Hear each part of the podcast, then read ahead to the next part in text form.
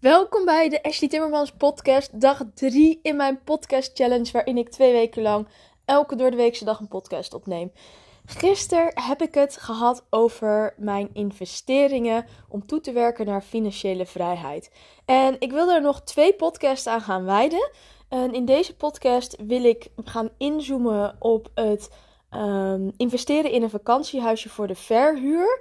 Uh, dat is voor mij nog vrij vers. We hebben nu een paar maanden geleden een huisje gekocht uh, met als eerste uh, doel daar inkomsten uithalen voor de verhuurders.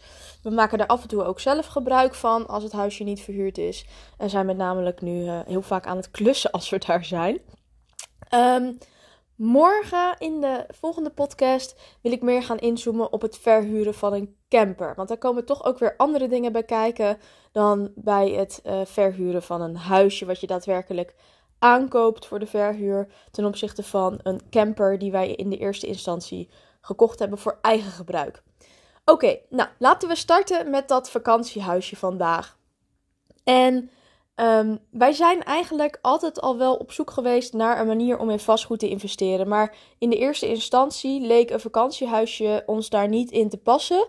Omdat we het liefst het wilden combineren met een koophuis. Waarin we ook zelf ingeschreven zouden kunnen zijn. Dus wat we eigenlijk zochten, wat ons droomplaatje was, was dat we een koophuis zouden hebben.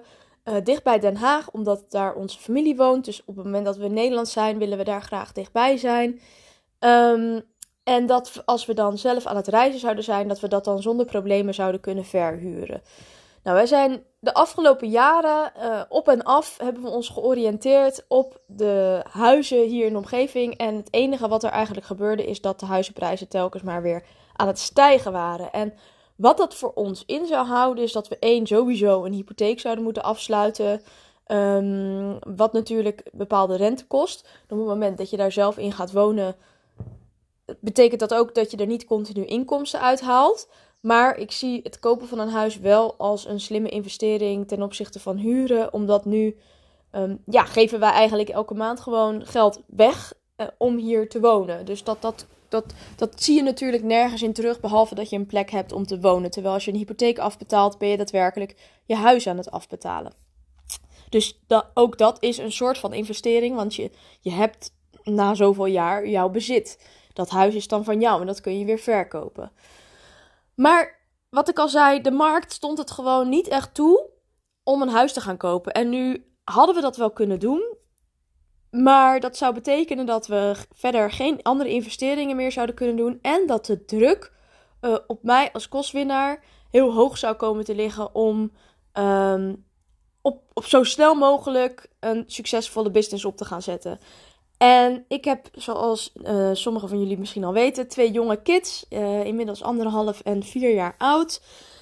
En het zijn gewoon echt de tropenjaren. Ik kan het niet ontkennen. Ik heb het geprobeerd. Uh, met één kind vond ik het nog wel allemaal te doen. Maar met twee is het gewoon echt druk.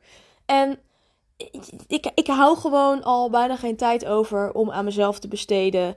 Op een natuurlijke manier. Dus dat moet ingepland worden. Dus je kunt je voorstellen dat ik eigenlijk helemaal niet zit te wachten op nog meer druk vanuit mijn werk, dus vanuit mijn business, om daar de druk in te voeden dat ik heel veel inkomen moet gaan, of heel veel omzet moet gaan draaien, om maar mijn hypotheek te betalen, omdat we dan een paar maanden per jaar in dat huisje kunnen zitten, terwijl we een camper hebben en graag reizen. Dus ik kan me ook voorstellen dat dit weer anders is voor iemand die wel gewoon uh, fulltime in Nederland woont en niet die behoefte heeft om uh, meerdere maanden per jaar te reizen. Maar uh, voor mij voelde het niet als een logische stap en kreeg ik het er eigenlijk heel benauwd van. En dat maakte ook weer dat het hebben van een huurhuis eigenlijk heel fijn was. Want daardoor um, ja, hebben, we, hebben we die zorg nu niet.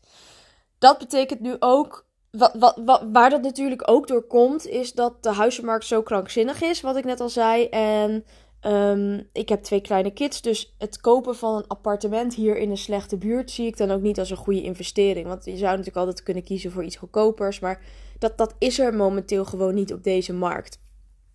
Dus we besloten dat voor ons uit te schuiven, maar onze zoektocht naar goede investeringen ging wel verder. Want wij hadden inmiddels alle kennis om uh, geld te laten groeien. Dat geld wat je op de bank hebt staan, kan je meer waard laten worden. Maar alle investeringen zit gewoon een risico aan vast. Tenzij je misschien in uh, eh, ETF's gaat, uh, wat dan, waar je maandelijks een klein bedrag in legt, wat heel steady gaat. Maar ook daarin kan het betekenen dat als er een grote crisis komt, dat je een aantal jaren in de min gaat.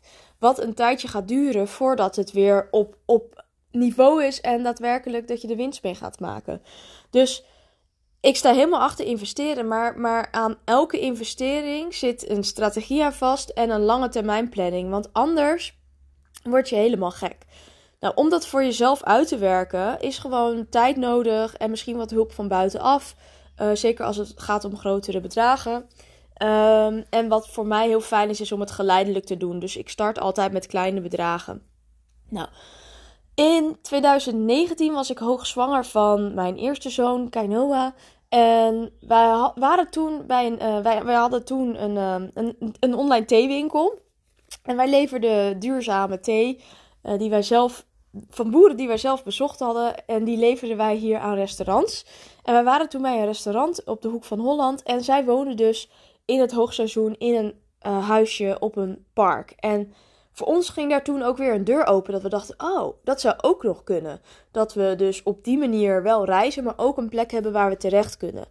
We zijn toen op dat park, omdat het aan zee lag. En ik surf natuurlijk, en mijn man ook. Dus we vonden dat heel interessant. En we zijn daar toen gaan kijken. En toen kwamen we een huisje tegen wat eigenlijk echt wel aan onze eisen voldeed. Um, het was allemaal net opgeknapt. Het was klein, maar fijn. um, en aan zee. Maar ik was hoogzwanger. Uh, er waren meerdere biedingen. En het park was niet het hele jaar open. En het was onduidelijk wat er met het park zou gaan gebeuren in de toekomst. En dat samen met dat ik hoogzwanger was, leverde me toen al zoveel stress op om die keuze te gaan maken. En wij wisten ook, omdat ik hoogzwanger was, dat er dat jaar waarschijnlijk niet gereisd zou gaan worden. Um, dus, dus, dus dat was voor ons een no-go. Dus wij hebben dat toen gecanceld. Maar het zaadje was wel geplant uh, om, om ons ook te gaan verdiepen in vakantiehuisjes.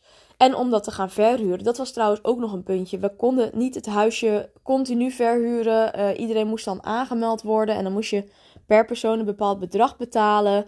Uh, dus er zaten echt wel behoorlijk wat haken en ogen aan. Maar wat ik al zei, het zaadje was geplant. Fast forward naar dit jaar, dus vier jaar later, uh, kwam ik online iemand tegen die ik al een tijdje volgde, minimalistisch ondernemen. En um, zij lanceerde een, een reeks van masterclasses, uh, van negen masterclasses, waarin zij ging, haar kennis zou gaan delen over hoe zij haar vakantiehuisje had aangeschaft en hoe anderen dat ook kunnen doen. En ik zag dat voorbij komen en ik vind haar heel inspirerend. Ik volg haar graag. En zij uh, wakkerde alleen al met het doen van dat aanbod mijn. Uh, zij gaf dat zaadje een beetje water, om het zo maar te zeggen. Dus ik hoefde eigenlijk niet eens die masterclasses te volgen. Maar ik dacht ineens: wacht eventjes, is dit niet het missende puzzelstukje? Um, een, kans waar we eigenlijk, wat we eigenlijk een beetje opzij geschoven hadden. Want de huizenmarkt is nog steeds niet zodanig dat ik denk: hé, hey, nou laten we in Nederland gaan investeren. Zeker ook niet met de huidige regelgeving, die natuurlijk gaat ver veranderen omtrent verhuren. Um, sowieso willen wij niet al ons geld in een koophuis stoppen. En wat ook natuurlijk zo is, is dat het investeren in een vakantiehuisje met een veel lager bedrag kan dan het aankopen van een huis. Dus je rendement is automatisch ook hoger uh, vergeleken met de investering die je doet. En ik was gewoon gelijk aan. En wij zijn uh, op Marktplaats toen weer eens gaan kijken en zoeken. En wat ik ook al in de vorige podcast zei. Wij hadden eigenlijk, ik vooral als voornemen om te zorgen dat we een koophuis zouden hebben wat we konden verhuren voordat we de laatste keer op reis gingen. Nou, dat was niet gelukt.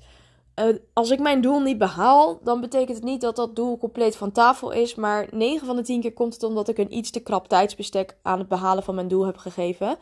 Ik doe dat continu, keer op keer. Uh, noem het uh, naïef, noem het optimistisch.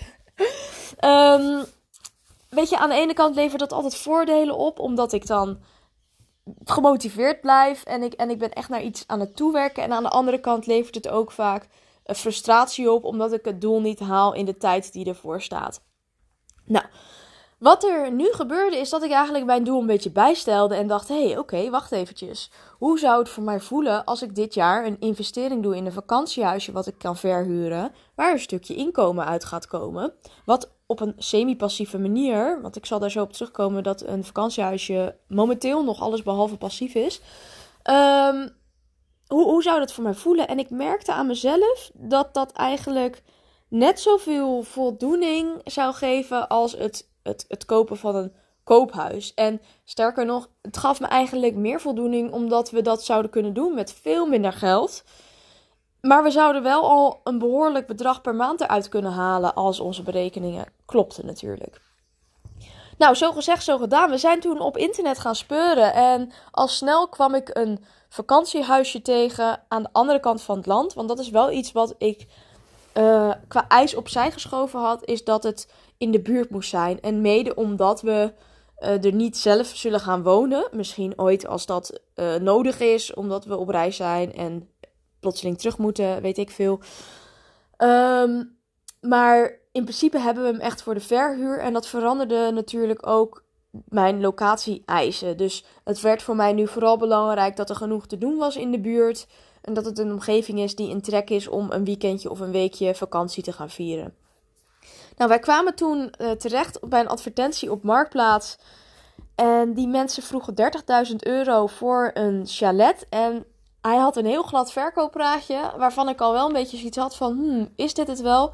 Hij vroeg 30.000 euro. Het was op een, een, een vakantiepark ergens bij Almelo, als ik het me goed herinner.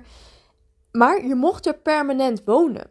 Nou, dat is vrij uniek. En wat ik daar ook altijd bij zeg als andere mensen aan mij vragen. Want ik zit ook behoorlijk natuurlijk in het reiswereldje. En zeker reizen met kinderen en een camper. Um, is let erop, want heel veel van die parken uh, gedogen het. Maar vanuit de gemeente wordt het dan niet gedoogd. Dus wat er ook bij dit huisje aan de hand was, is dat die meneer er al twee jaar in woonde en ook ingeschreven stond. De camping gedoogde het. De gemeente ook. Maar op het moment dat ik verder ging kijken bij de gemeentesite, bleek dus dat ze nu heel erg dat aan het aanpakken waren. Dus wat deden ze? Op het moment dat er nu weer een inschrijving zou komen op het adres. Of het waar is, weet ik natuurlijk niet, want ik, ik heb het niet meegemaakt. Maar wat de gemeente schreef is op het moment dat er nu een aanmelding komt uh, een inschrijving op zo'n park, sturen we een brief en is de kans daar dat we zelfs langskomen. En ja, dat, dat je dus een boete krijgt, dat je je weer moet uitschrijven.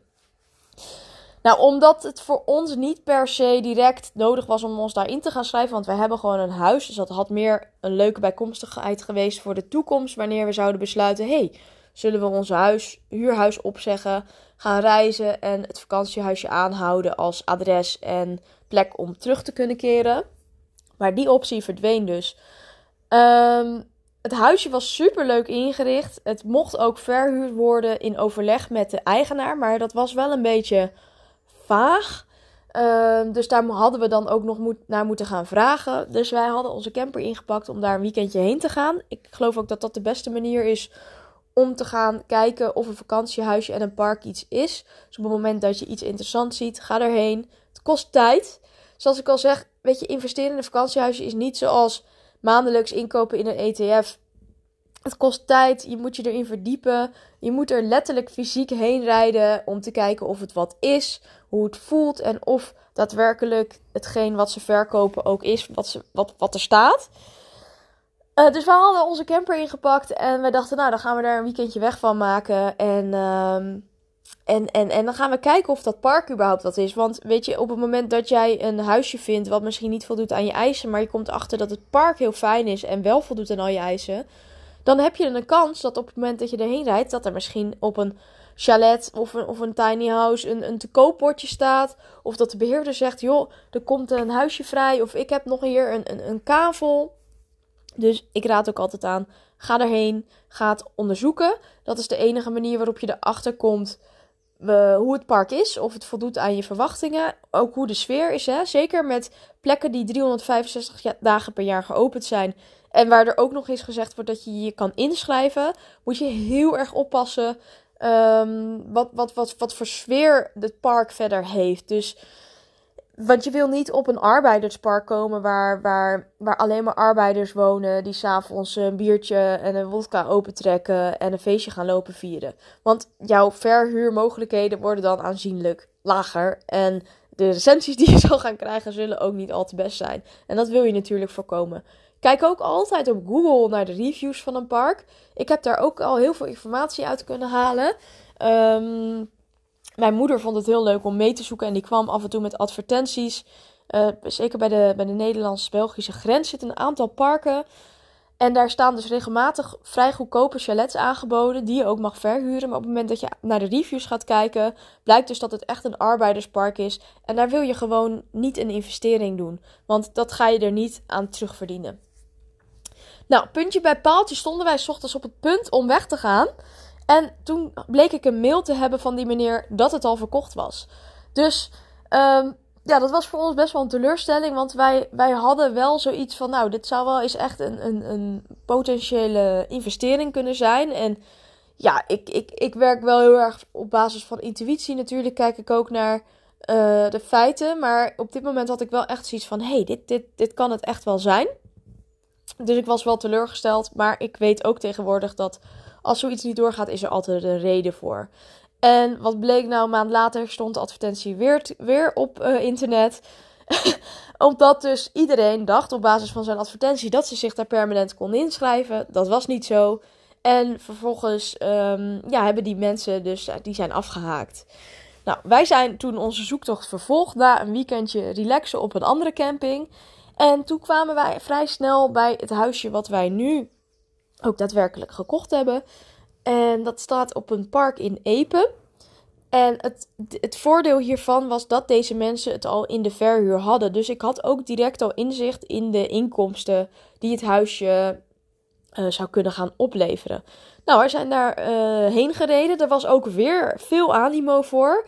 Uh, blijkbaar is het het kopen van vakantiehuisjes in trek. En wij zijn daarheen gereden. We waren de, de tweede of derde bezichtiging.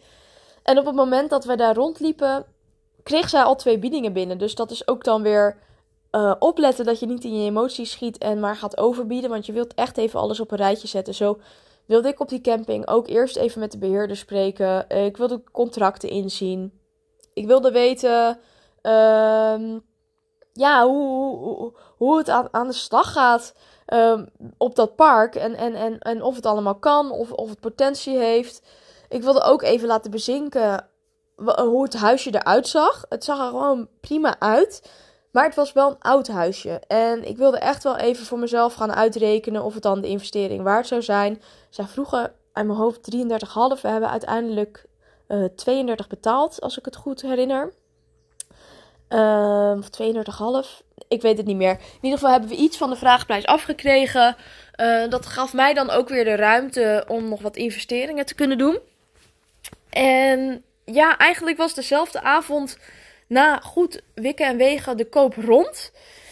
En nog geen week later hadden wij het huisje in de verhuur. En dat was het voordeel dat het huisje dus al zo goed als verhuur klaar was.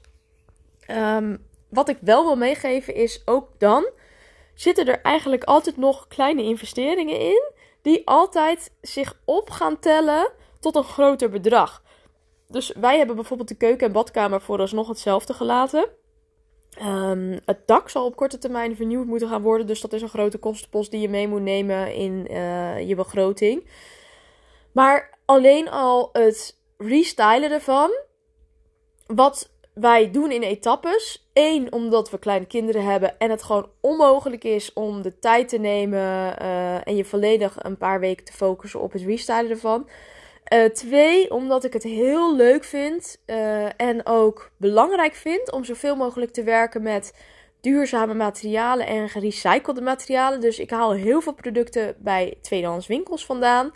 Die er uiteraard goed uitzien. Dus het is geen troep wat ik koop. Maar je zou het meer onder vintage kunnen um, scharen.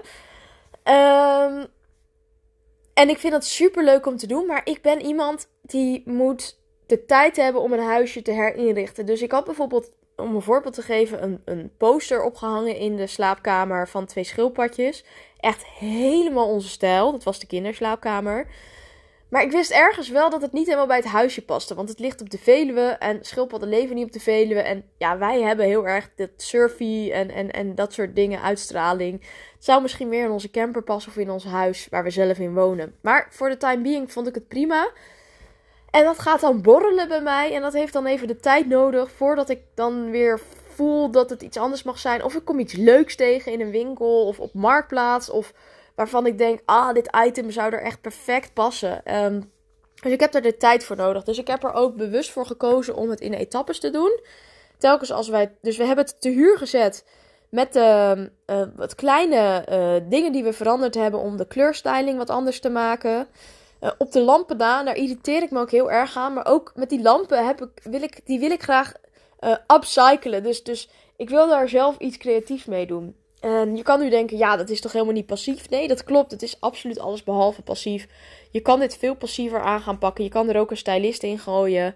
Uh, en, en iemand het helemaal klaar laten maken. Iedereen heeft daar zijn voorkeur in. Maar ik, ik vind het gewoon echt leuk om te doen. Net zoals klussen. Ik werk veel online. En het, maar met mijn handen werken, daar geniet ik echt ook heel erg van. Dus ik vind die afwisseling heel leuk haalt niet weg dat het af en toe wel echt heel veel tijd en energie opslurpt. Want ik heb ook nog twee kleine kinderen rondlopen en een business. Dus het is een keuze en daarin is het continu de afweging van oké, uh, heb ik hier nu de tijd voor? Vind ik het het waard om daar nu energie en tijd in te steken? Gaat het ook iets opleveren?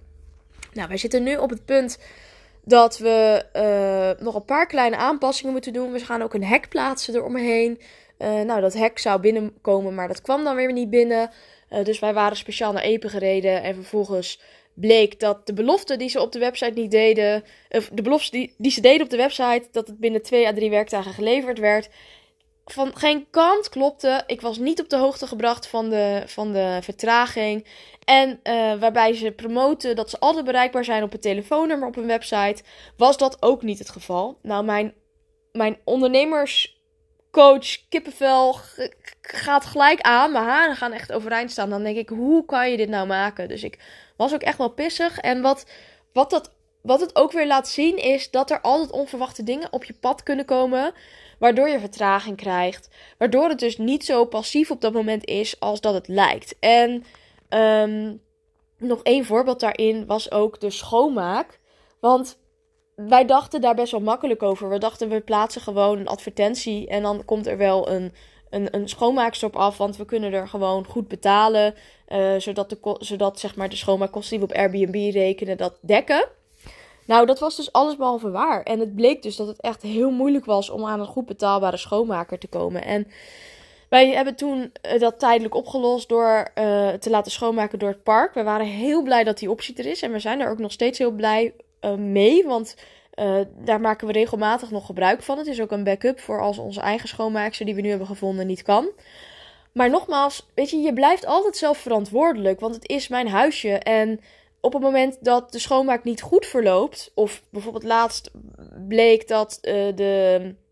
Dat, dat, dat, dat de het linnengoed niet paste, waar ik nog nooit klachten over had gekregen. Um, dat ik dacht, hè, het linnengoed niet past, hoe kan dat nou weer? Maar ja, weet je, uiteindelijk ben ik wel degene die daar eindverantwoordelijk voor is. Dus wat ik wil meegeven, en ik kan hier nog wel een keertje wat meer over vertellen hoe we dit precies aangepakt hebben en hoe we het aan het aanpakken zijn, hè, want we zijn er nog steeds mee bezig, is dat het, het opzetten van, of het, het, het, het genereren van passief inkomen uit een vakantiehuis op de manier waarop ik het doe, is niet compleet passief. Kijk, het is passief in de zin van: hé, hey, we hebben dat nu aangekocht. Er komen boekingen binnen en ik heb nu alles op de, op de, op de treinrails, op de tiny house rails. En, en, en het loopt, maar tegelijkertijd, als iemand incheckt, dan. Ik merk dat ik graag uh, bereikbaar wil zijn. Dus ik heb, voel ineens de noodzaak om wel continu mijn mobiel bij me te hebben. Um, uh, ik, ik, ben, ik vraag ze of alles goed is. Als er iets mis is, ben ik degene die iemand moet bellen of moet regelen dat het gefixt wordt. Um, als de schoonmaakster niet kan, zal ik vervanging moeten regelen of zullen we zelf heen en weer moeten rijden. Dus daarin zie je dat er het, het, aankopen van vastgoed, want dit is ook natuurlijk een vorm van vastgoed, brengt ook altijd een vorm van verantwoordelijkheid met zich mee. En denk daar dus goed over na van tevoren. Dus er zitten heel veel voordelen aan en er komt nu een passieve inkomstenstroom uit. Ehm, ik kan daar nog niet veel over zeggen of dat ook is zoals ik verwacht had. Eh, en wij willen ook nog een professionele shoot gaan doen. Dus ik verwacht ook dat door het verder stylen van het huisje en het, en het, en het, ehm, ja, het aankleden ervan, dat dat ook weer voor hogere inkomsten gaat zorgen uiteindelijk. Maar ik kan daar nu nog niet veel over zeggen. Dus ik hoop dat ik daar eind dit jaar um, weer nieuwe podcast over op kan nemen. Um, ja, ik denk dat dit wel is wat ik voor nu met jullie wil delen. Ik, ik ben nogmaals heel enthousiast over dit huisje. Het geeft mij echt het gevoel dat ik mijn doel om te investeren in vastgoed dit jaar al behaald heb. Ik vind het super leuk om daar aan de slag te zijn. Um, en verder is het een, een, weer een mooi avontuur waarin ik weer heel veel leer over positionering op Airbnb. Um, het communiceren met, met gasten, wat toch weer anders is dan met klanten in de business. Um, en, en, en heel persoonlijk vind ik het ook super tof dat we dankzij dit huisje de Veluwe aan het ontdekken zijn. En daarom is het ook echt een avontuur wat je altijd weer brengt op nieuwe plekken. Je komt in contact met nieuwe inspirerende mensen. En dat vind ik er echt ook heel leuk aan. Dus puntje bij is het echt een win-win. En ben ik heel blij met deze investering. En ik hoop dat jullie ook wat hebben aan deze podcast. En aan een eerlijk ervaringsverhaal van hoe ik het momenteel ervaar om um, het huisje in bezit te hebben. En ook om eerlijk te laten zien wat er ook bij komt kijken. En ja, niet alleen de mooie kanten te belichten van hoeveel rendement je kan behalen. Want er zit gewoon ook werk aan en je krijgt er ook een verantwoordelijkheid bij. Yes, nou, morgen staat er weer een nieuwe podcast voor jullie klaar. Super leuk dat je geluisterd hebt. Als je dit interessant vond, deel hem dan vooral met andere mensen. Um, vind ik leuk en laat me ook weten wat je ervan vond. En dan wens ik jullie een hele fijne dag vandaag. Hoi hoi!